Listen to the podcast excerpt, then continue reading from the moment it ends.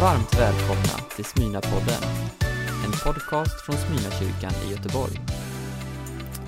Jag ska fortsätta på Mats Särnholms inslagna väg från förra söndagen att uppehålla mig vid de klassiska söndagsskoltexterna och den som såg rubriken eller hörde rubriken har nog redan gissat vilken text det är.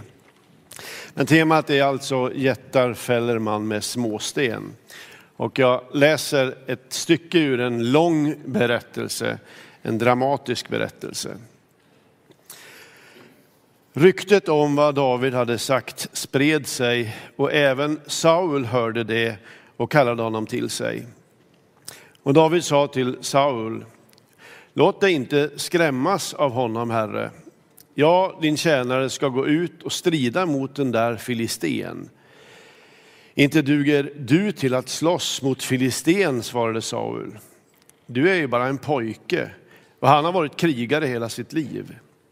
Men David sa, jag har vallat, vallat fåren åt min far. Och när det kom ett lejon och tog ett får ur jorden sprang jag efter det, slog ner det och ryckte bytet ur käftarna på det. När det anföll mig grep jag det i manen och slog ihjäl det.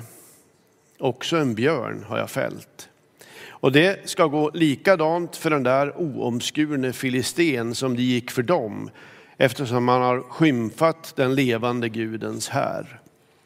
Och han tillade, Herren som har räddat mig från både lejon och björn, han ska rädda mig från den där filisten. Då sa Saul till honom, gå, Herren är med dig. Så klädde han David i sina egna kläder och satte på honom en hjälm av brons och ett harnesk. Sedan spände David fast svärdet utanpå kläderna och försökte gå i rustningen. Det hade han aldrig tidigare prövat. Nej, med allt det här kan jag inte gå, sa han till Saul. Jag har aldrig gjort det förr. Och så lade han av sig rustningen. Han tog sin käpp, valde ut fem släta stenar i bäcken och stoppade dem i sin herdeväska, sin ränsel. Med slungan i handen gick han emot Filisten. Filisten kom allt närmare med sköldbäraren framför sig. När Filisten fick syn på David fnös han föraktfullt åt honom. Det var ju bara en ung pojke, ljushylt och vacker. Tror du att jag är en hund eftersom du kommer emot mig med käppar? frågade han. Så nedkallade Filisten sina gudars förbannelse över David. Kom hit, ropade han, så ska jag ge din kropp åt himmelens fåglar och markens djur.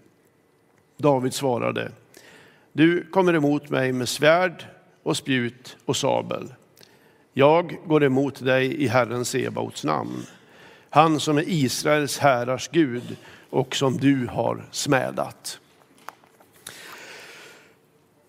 Min pappa var affärsman och söndagsskollärare. Och jag blir lite rörd när jag tänker på att han som hade så mycket att göra, att han var tvungen att lägga sina söndagskvällar på att vara på firman och jobba med kollektionen, la sina söndagmorgnar i Philadelphias söndagsskola. Sen var han med på vartenda förmiddagsmöte, även om han somnade ibland under predikan. Eller rättare sagt ganska ofta. Min pappa använde sig av den tidens hypermoderna pedagogiska hjälpmedel i söndagsskolan, nämligen flanellografen. Flanellografen kan man säga det var ju 60-talets powerpoint eller keynote. Och med tanke på att det finns en viss risk att ni som är lite yngre än oss som är lite äldre inte vet vad det här är, så ska jag kort förklara. Flanellografen skapades av Marie Lukens och hennes två döttrar Betty och Dixie. Familjen var verksam inom adventistkyrkan i USA och detta är 60-tal. Flanellografen bestod, som många av er minns, av figurer i papp med en baksida av flanelltyg som gjorde att de kunde fästas upp på ett filttyg. En bakgrund mot vilken man kunde skapa nästan vilken berättelse som helst. De här figurerna blev modernare och modernare och moderniteten gick så långt att de manliga figurerna till slut fick tweedkostymer. Ja, så här såg det ut. Eh, och när man säger att man fäste upp de här bilderna så är ju det en sanning med modifikation. För som ni säkert minns så, så var vidhäftningsförmågan inte riktigt vad man kunde önska. Figurerna lossnade och alldeles för ofta så singlade det ner en ängel eller en apostel eller ett lejon ner på estraden. Vilket ju öppnade för ett annat nöje. Nämligen att så snart söndagsskolläraren gick för att hämta något så smet vi, eller rättare sagt de andra barnen, smet fram och flyttade om pjäserna på duken. Och det var, det var väldigt roligt, sa de.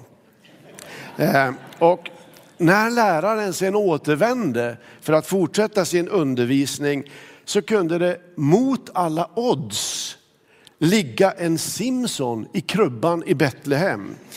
Eller att man hade vänt på Goliat, jätten, så att han fick huvudet neråt. Och plötsligt så var den unge lille David huvudet högre än jätten. Det här var en av favorithistorierna i söndagsskolan. Davids seger över jätten Goliat. Och så slog det mig, jag har aldrig predikat över den här texten. Och den väckte så många minnen men den väckte också i mig det som jag tror är ett budskap. När klimatet hårdnar och mäktiga hjältar rustar upp, höjer röstläget och behöver besegras så finns risken att man själv liksom upprustar sig till tänderna men med fel vapen och fel utrustning. Och som en följd av det känner sin egen kraft, sin egen bön, sina egna uttryck alldeles för ynkliga och så backar man ut i passivitet.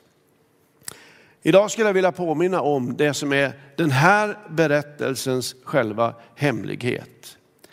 När Goliat skränar åt David, hånar honom, rasslar med sin rustning och sina svärd, så säger den unge David, du kommer emot mig med svärd och spjut och sabel.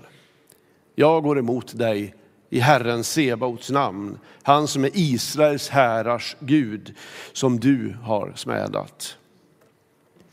Historien bakom detta är ju att Saul har smörkt till kung ett beslut som sker efter påtryckning och jämförelse med andra folk, men som inte var Guds vilja. Saul förkastas snart som kung. Det följer en tid av oro och instabilitet. Det behövs en ny kung. Och så långt bort från maktens boningar, den tidens rubriker, så smörjs den unge David till kung efter det att profeten Samuel har bjudit fram hans bröd, äldre bröder en efter en och skakat på huvudet åt dem. Och sist så kommer David. Han är för ung, han är för oerfaren, men det blir David som är den här historiens själva huvudperson. Man får en känsla av när man läser att David liksom är en annan sort, en särling. David kommer från ett annat håll. Den här ljushylte mannen med så vackra ögon. Han är mest med sina fårjordar på höjderna för att de ska finna bete där när det är för torrt nere på betesmarkerna. Men det är också där han får sin skolning. Jag ska strax återkomma. Han har dessutom en musikalisk gåva som han får använda till att påverka egentligen hela det sammanfallande kungahuset. Han spelar harpa mot det tätnande mörkret och mörkret måste vika undan. Det är någonting som händer när, Saul, när David smörjs till kung. Det står Jisai lät hämta honom, detta ur 16 kapitlet. Han var ljus och ståtlig och hade vackra ögon. Och Herren sa, han är det, honom ska du smörja. Samuel tog då oljehornet och smorde honom mitt ibland hans bröder. Och Herrens ande föll över David och var sedan alltid med honom. Och så kommer David Goliat historien. Sauls styrkor och filisternas styrkor utmanar varandra och tydligen hamnar de på varsin sida om en dalgång som gör att den som först lämnar höjden för att gå ner i dalgången samtidigt blottar sin strupe och gör sig fullständigt oskyddad för ett angrepp från den andra. Det här gör att det låser sig för herrarna. Och istället för att ge sig ut i en vapenstrid så börjar här ett slags skrämselkrig. Och för att bryta dödläget och spara blod så föreslås det som då var så vanligt, nämligen en individuell kamp där den vars kämpe förlorar också leder till att hela armén måste antingen fly eller dö. Det är då han kliver fram, herdepojken David, förmodligen mer ett barn än en vuxen. Och som ett lugn och en tillit som får jätten att skratta och falla. Där ska vi stanna ett ögonblick. För jag har tänkt på dig som backar när orden blir för stora och kampen målas upp på ett sätt där du bara känner dig mer otillräcklig, kanske för lite andlig. Det här är någonting för de andra men inte för dig. Du är inte stark nog, inte god nog. Du är på gränsen till rädd. Du saknar dessutom i dina egna ögon en utrustning förslaget runt och i ditt liv. Jag har en försynt liten hälsning till dig idag. Och det är att jättar fäller man med småsten. Ett andligt segrande liv är ju inte främst en fråga om frimodighet om du frågar mig. Det måste liksom finnas någonting bakom frimodigheten också. Det är inte den som låter mest som strider bäst. Det är den som öppnar sig för anden och sen i enkelhet gör det som ska göras. Vare sig det är att vakta får eller tjäna som kung i sin nation.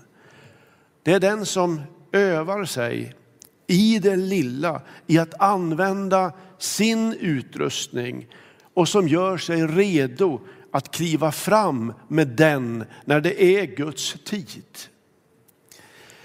Det här är en fråga om att leva i och bruka de gåvor som blev just våra. Så när de andra försöker hänga på David en utrustning som inte är hans, den är ju Sauls. Så tar han av sig den och så tar han på sig sina vanliga kläder. Jag älskar det uttrycket, sina vanliga kläder. De kläder som han var van att ha, de kläder som gav honom rörelsefrihet. Och jag tror att man kan göra kopplingen här tillbaka till när anden föll över honom och säga att när anden kommer över oss faller över oss så blir vi inte plötsligt några andra. Det som händer är att vi växer i våra vanliga egna kläder och vågar vila i att använda de gåvor som Gud har gett oss. Andens liv är en rustning som vi kan röra oss i. Så därför undrar jag, är du bekväm i dina kläder? Känner du dig fri i dem? Är du samspelt med din utrustning, hur den nu ser ut?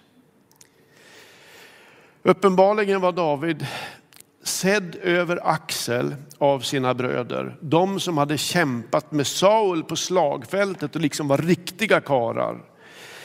När det hettar till, då kommer det fram hur de ser på honom. När David öppnar munnen avfärdar de honom med att han ska väl inte blanda sig i det här, utan vända tillbaka till sin citat lilla fårjord igen.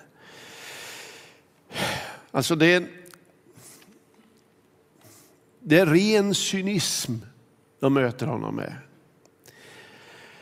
De ger honom dåligt samvete också genom att säga, vem, vem har du nu lämnat fåren till?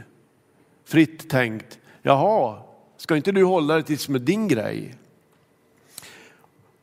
Eller att han är där av nyfikenhet för att se på när det slåss. Och så säger David, vad har jag nu gjort? Jag frågade ju bara. Och så inser man att här finns någon slags tryck av nedåtblickande som man har att kämpa emot. Men det ska visa sig att de har kraftigt underskattat honom. Kanske inte hans självförtroende eller det faktum att han, att han har blivit kung. Utan snarare det som hände när han smordes. Det har de underskattat. Och jag citerar igen. Herrens ande föll över honom och förblev över honom. Jag tror att det är här vi ska söka orsaken till att han kan göra det ingen av de andra vågade göra. Det är i anden han går, till synes helt oskyddad, ner i dalen. Han sätter hela hären bakom sig på spel. Och i det ögonblicket så går det ju inte att missa bilden av att han också är en profetisk människa som flera tusen år innan blir en Kristusgestalt. Kristus som går ner i dalen, djupast ner i dalen, sätter sitt liv på spel och vinner en hel mänsklighet. Men det handlar om en sak till och det är övning. Om vi förflyttar oss bara ett ögonblick till de där betesmarkerna där David tidigt börjat valla får. Ett uppdrag som bestod i att ge fåren föda och vatten, men också om att skydda. Fåren och, hans, och han själv hotades ständigt av rovdjur som ville åt jorden. Rovdjur med enorma krafter. David hade ett försvarsvapen och ett anfallsvapen. Han hade sin stav som, som försvar, han hade sin slunga som anfall. Den där slungan är en liten intressant sak. Det låter väldigt oskyldigt det här som slangbälla eller något sånt. Men slungan var en öppen läderpåse med två långa snören. I den påsen la man en sten och sen vevade man runt den här slungan varv efter varv tills man fick en oerhörd hastighet på den. Och i exakt rätt ögonblick så släppte man det ena snöret och stenen gav sig iväg som en projektil genom luften. Det sägs att den kunde uppnå en hastighet av 160 kilometer i timmen.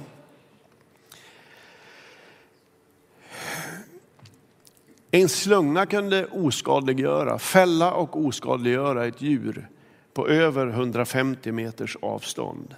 Det var så precis att den kunde träffa en fågel i flykten. Det var ingen slangbella det här, ingen leksak. Det var ett kusligt precisionsvapen, vanligt i den tidens krigs, krigsmakt. Ett fruktat vapen som krävde år av träning. Det är lätt att tro när man läser att ja, David lite så här i Kajsa Wargs anda, man tager vad man haver, tittade sig omkring för att se om det fanns någonting där som man kunde ha i händerna när han mötte jätten. Men så var det inte. Det här hade han gjort många gånger. Han hade tränat och tränat och tränat tills han var så skicklig att han kunde anfalla, anfalla djur som hotade dem. Alltså, han kunde sitt vapen. Och en sak till. Han visste var man hittade rätt ammunition. Eh, ammunitionen var sten. Inte vilken sten som helst. Den hämtades på ett särskilt ställe, nämligen i bäcken. Och lägger man örat mot Bibeln så hör man att det brusar och porlar genom hela Bibeln. Där finns ett ljud av strömmande vatten. Och vattnet i Bibeln är en bild av anden. Vattnet i bäcken står inte stilla. Det är i ständig rörelse. Ni vet det där om att man aldrig kan stiga ner i samma flod två gånger. Att leva med Guds ande, det är att leva i en ständigt pågående förnyelse. Lägg märke till att det står att Herrens ande föll över David. Men det står en sak till. Den stannade hos honom, den förblev över honom. Alltså andens dop, andens erfarenhet är inte en engångshändelse utan den är ett förvandlat liv, ett helt nytt liv. Så stort är det, ni som har döpts idag. Så stort är det. Jag var 13 år och södra Norrlands blygaste pojk när jag blev döpt i den heliga ande. Det var verkligen ett dop. De som försöker hitta andra ord för detta får ge sig, åtminstone i mitt fall. Det var ett dop.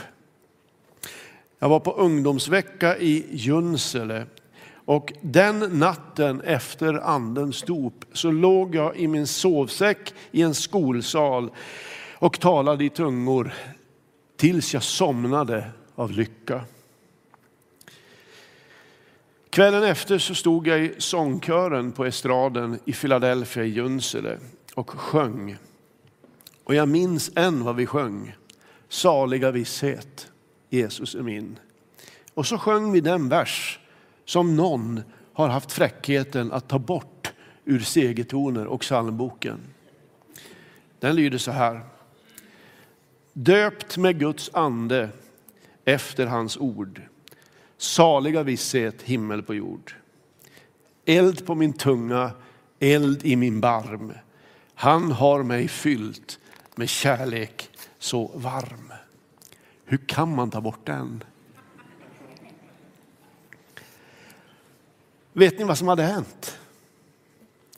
Jag hade hittat bäcken i mitt liv den där bäcken där de släta stenar låg som skulle passa perfekt i min hand och som skulle ge mig dessutom ett hemlighetsfullt fördolt språk i bönen. Och det som hände då, alltså i år, 50 år sedan, det är ju någonting som jag sedan dess har fått använda hela mitt liv. Varje dag en kraft, ett ljus i de prövningar som jag, som alla ni på olika sätt skulle få gå igenom och inte minst ett språk för innerligheten och kärleken till Jesus. Det händer också något annat i bäcken. Och det är att bäcken är ett stensliperi. Precis som havets vågor är det, så är bäcken ett stensliperi. Och jag älskar Bibelns känsla för detaljer. Det var fem stenar, inte fyra. Och de var släta. De hade med andra ord legat där ett tag. De hade formats av bäckens vatten och mot varandra. Det kantiga hade jämnats till och det skulle visa sig att de passade som hand i handske i Davids slunga. I andens bäck, det levande vattnet, ligger också dina stenar. Det är där dina gåvor har formats. De har formats till någonting som passar dig perfekt. De kan se oansenliga ut för omvärlden, men de är precisionsvapen i dina strider och i dina kamper. När du möter jätten så är de precisionsvapen. Så, väg inte stenarna. Mät dem inte. Jämför dem inte med andras stenar. Det finns egentligen bara en sak att göra och det är använd de stenar som är dina. Plocka upp dem ur bäcken, lägg dem i din slunga och använd dem. Och jag, jag vet ju inte vilka jättar du står inför att möta. Jag vet inte vad det är som fyller dig med så mycket fruktan att du inte vågar kliva fram. Men en sak vet jag och det är att i andens kraft kan dina släta stenar bli just det som krävs i ett givet läge. Och vill andra hänga på dig en rustning som inte är din, så tacka vänligt men bestämt nej och gå istället i dina vanliga kläder. Låter de andliga råden du möter alldeles för krångliga så är de förmodligen alldeles för krångliga. Tar de din rörelsefrihet ifrån dig som människa så citera för dig själv orden ur andra Korinthierbrevet. Där Herrens ande är, där är frihet. Och så måste jag, vilket bara kom i veckan, jag måste få bara landa i en liten monetär anvisning. Och det är eh, att jag fick för sig att detta också kan ha en hälsning, en annan hälsning i sig. Till oss som församling. En som handlar om pengar. Ett litet inpass när vi idag ska slå ett slag för månatligt givande till vår enorma trossatsning, Frihamnskyrkan. Och så såg jag hur de här beloppen, miljonerna, liksom reste sig som jättar. Och hur lätt det är att fruktan gör dem ännu större och som en följd av det att man ringaktar det man själv kan bidra med. Vad hjälper det? Men maktförhållandet ser inte ut så i Guds rike. De gåvor som kan se ut som småsten är småsten från bäcken. Vilket gör dem till någonting helt annat. Det är småsten ur andens flod. Så låt oss också i det här avseendet använda det vi har. I det sammanhanget så kan det betyda långt mer än vad du anar. För Mats, jättar fäller man med småsten. Inte med små stenar, det är opoetiskt.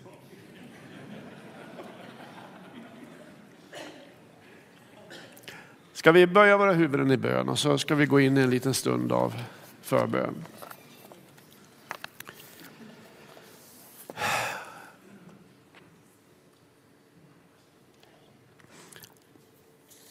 Jag har ingen aning var detta har landat.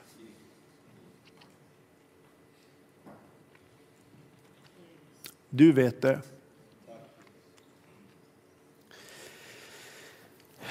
Bara du vet hur jättarna i ditt liv ser ut. De som skränar och rasslar med vapen. De som tystar dig.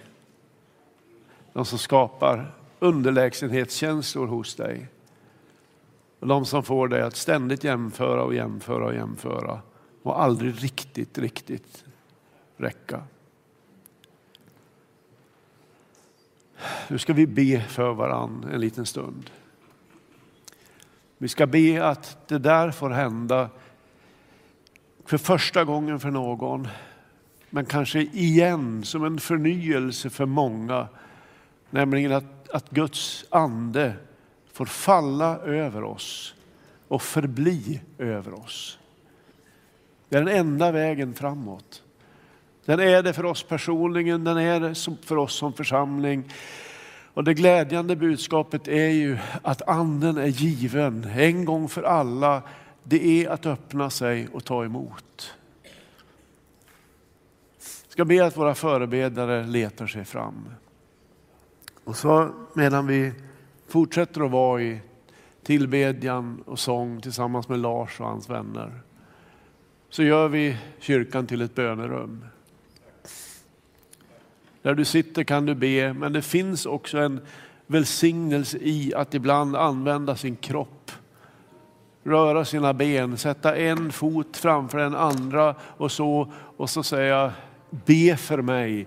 Många människors liv har vänt vid de orden. Be för mig. Du har lyssnat på en predikan från Smyrnakyrkan i Göteborg. Hjärtligt välkommen att lyssna igen eller besöka Smyrnakyrkan. Gud välsigne dig och din vecka.